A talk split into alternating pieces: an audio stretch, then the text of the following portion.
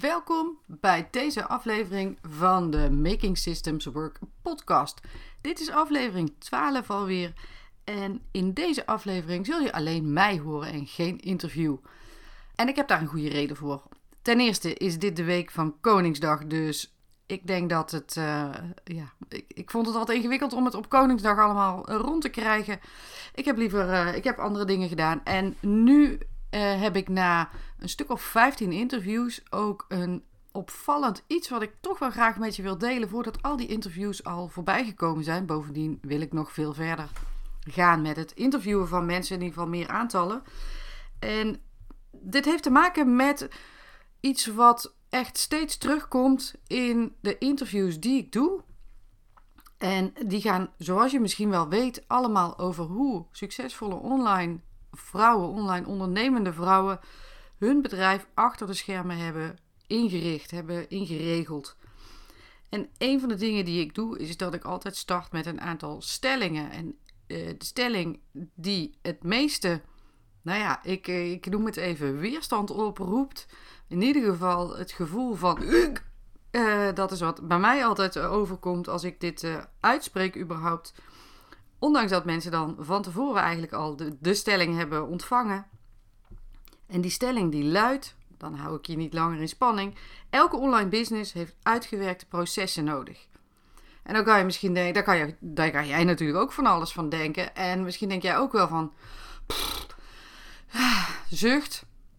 Ik zal, je, ik zal even met je delen wat die 15 vrouwen zo gemiddeld. En de, de een die zit wat meer op het, op het ene vlak, de ander wat meer op het andere. Maar wat zo zo'n beetje als. Ja, ik, ik definieer het eventjes als angst. Dat is een beetje een groot woord, maar uh, misschien om het duidelijk te maken. Überhaupt het feit dat kennelijk iets vast ligt.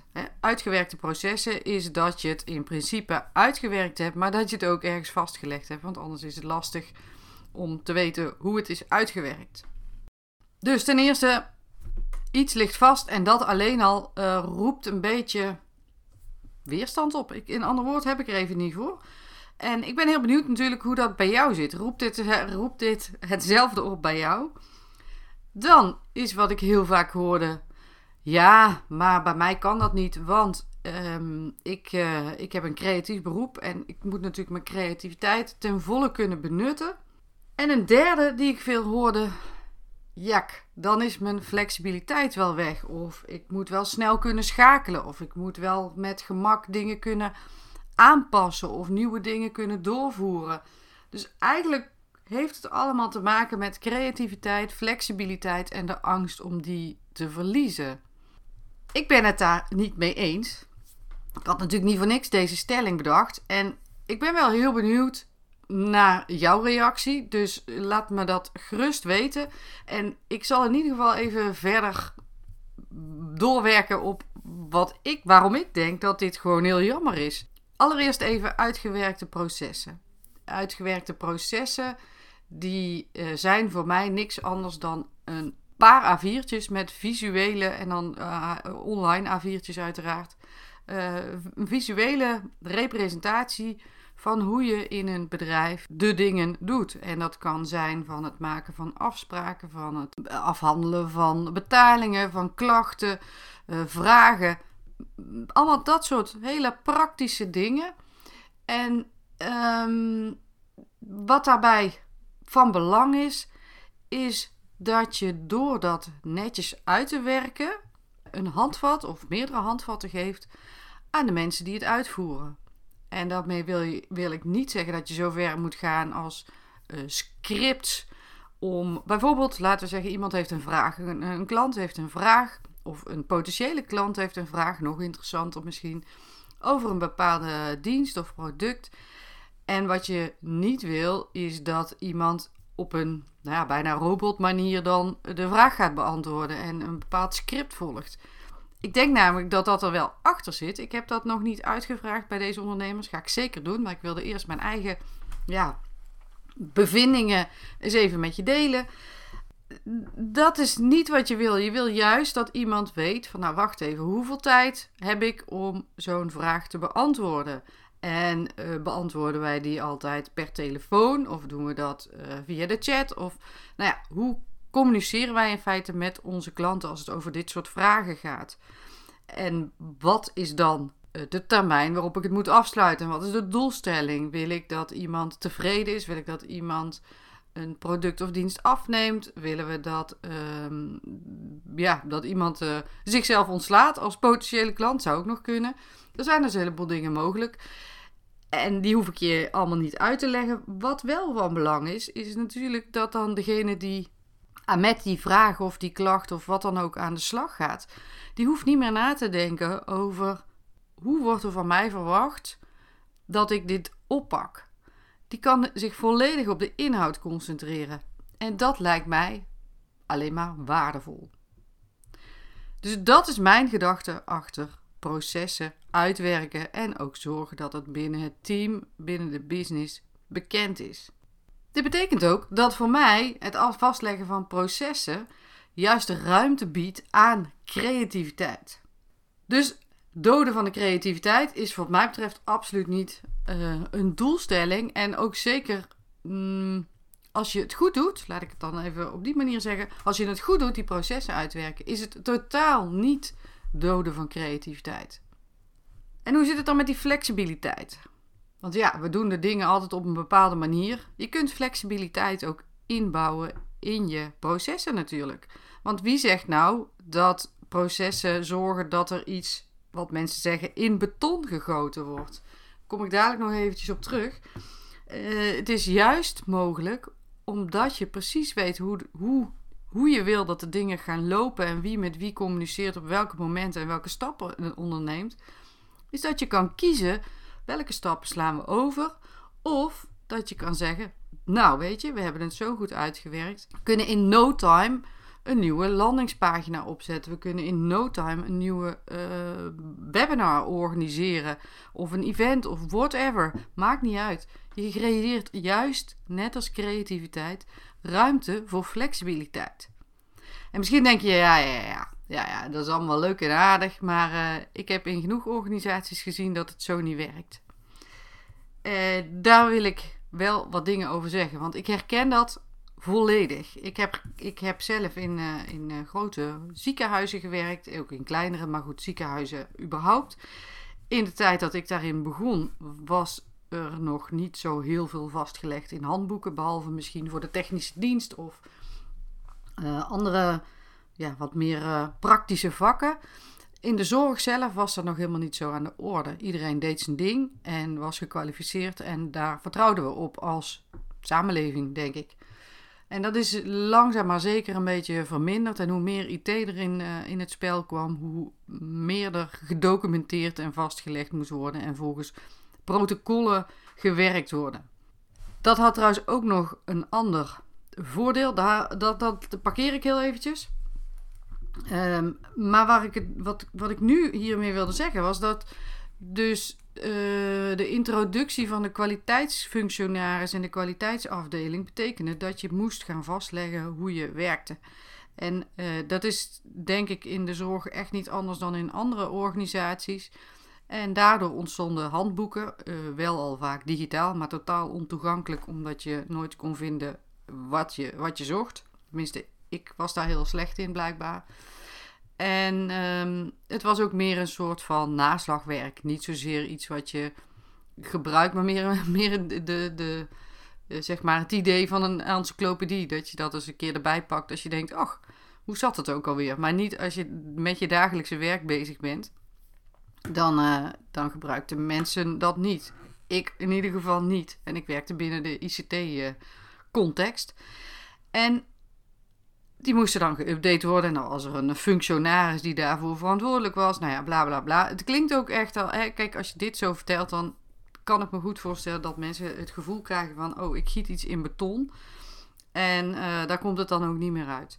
Wat natuurlijk nooit de intentie is geweest, maar wat wel zo uitpakte in de wereld. Ik denk dat we tegenwoordig daar heel veel andere modellen voor kunnen gebruiken en kunnen zorgen dat het juist een dynamisch onderdeel is van je business. En hoe dat voor grote organisaties is, dat weet ik op dit moment niet. Dat wil ik ook helemaal niet weten. Maar het is, ik snap dus het gevoel wel dat je denkt. en uh, je, kunt wel horen wat ik nu doe, denk ik. Het gaat erom dat het heel erg uh, ingewikkeld en zwaar klinkt.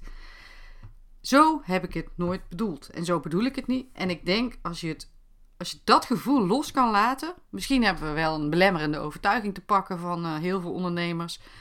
En als je dat gevoel los kan laten, dan uh, kun je juist gaan vliegen als je je processen uitwerkt. En ook met je team afspraken maakt over hoe je nou omgaat met dit soort nou, documentatie, noem ik het dan maar eventjes. Nog heel even terug naar die protocollen in de zorg. Ik weet ook niet of dat in andere vakken ook zo is, maar ik kan het me voorstellen. Wat daar ontstond ook, was uh, taakdifferentiatie. En dat had veel meer te maken met de inhoud van het werk. We hadden op enig moment, um, nou ja, of te weinig dokters, of in ieder geval de tijd van de artsen is natuurlijk duurder dan de tijd van een verpleegkundige of van een fysiotherapeut. Dus wat er op enig moment gebeurde, is dat er inhoudelijk werk veel meer geprotocoliseerd werd.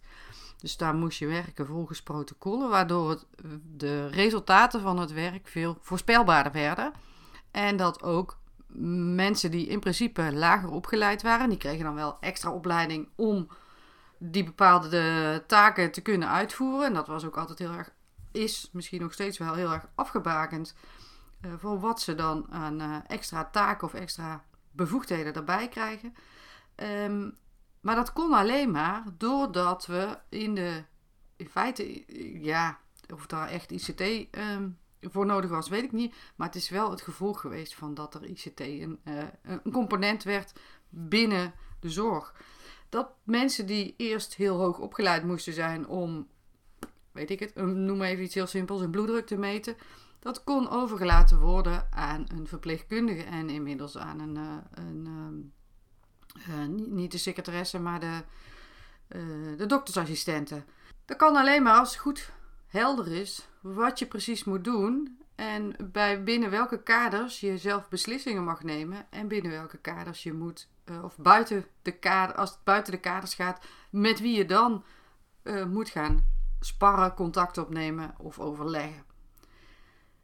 Daar liggen natuurlijk ook enorme kansen om geld te besparen binnen je business. Want als jij uh, taken overlaat aan een hoogopgeleide professional, die eigenlijk ook gedaan kunnen worden door een student of door een beginner of misschien wel door een scholier. Denk aan uh, inkloppen van gegevens of kopiëren, van, uh, kopiëren en plakken van, uh, weet ik veel, linkjes. Ik noem maar even een, een zijstraat. Dan kun je natuurlijk enorm veel geld besparen. Dus in die zin zit er ook nog een andere, in, op dat vlak ook nog een, voordeel aan. En zeker als je het over inhoudelijke stukken hebt, maar eigenlijk ook wel over praktische dingen. Nou, om te voorkomen dat ik hier nu eindeloos ga ratelen over uh, uitgewerkte processen en waarom je processen nou nodig hebt, uh, wil ik hier uh, even samenvatten wat ik net gezegd heb. Het gevoel dat mensen kregen, nou ja, in ieder geval dat ik terugkrijg als ik de stelling voorleg. Elke business heeft uitgewerkte processen nodig.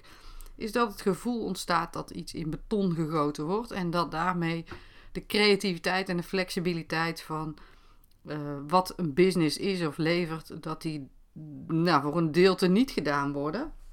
Daar ben ik het niet mee eens. Dat is misschien ook wel duidelijk inmiddels.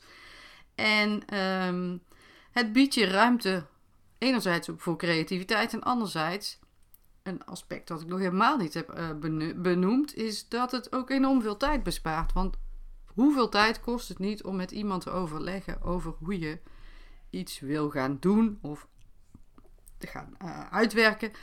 En dat is prima als je nieuwe dingen gaat doen. Want als ik uh, voor de eerste keer een groot event ga organiseren, is het natuurlijk wel heel handig dat je met elkaar iets gaat bespreken. Maar als je voor de tiende keer een event organiseert, moet je dan weer zoveel afstemmingsmomenten creëren? Ik denk van niet. Ik denk dat dat contraproductief werkt. Dus ik denk dat je dan op dat moment beter kunt terugvallen op processen die uitgewerkt zijn en dat je alleen over de belangrijke dingen met elkaar in gesprek gaat. Dus dat was een ding wat ik nog even aan toe wilde voegen. Um, nogmaals, voordat ik blijf doorratelen, ik ga hier uh, aan deze podcast even een, uh, een eind breien. Ik zie dat ik inmiddels een kwartiertje onderweg ben. En dat lijkt me ook helemaal prima voor dit onderwerp. Waar ik wel enorm benieuwd naar ben, is naar jouw reactie op deze uh, podcast. En ook misschien wel op deze stelling. Dat is ook wel leuk. Als je nou mij een berichtje wil sturen de, met jouw reactie, dat zou ik echt heel tof vinden. Als je dit waardevol vond, deel het dan absoluut met anderen. En uh, als je even een minuutje neemt, dan zou ik het super fijn vinden als je ook een review achterlaat. En luister ook vooral naar de interviews die ik in de podcast Making Systems Work um, al heb gepubliceerd.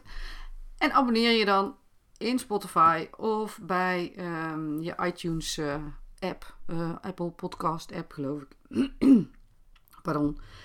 En uh, dan mis je geen enkele uitzending, aflevering, whatever.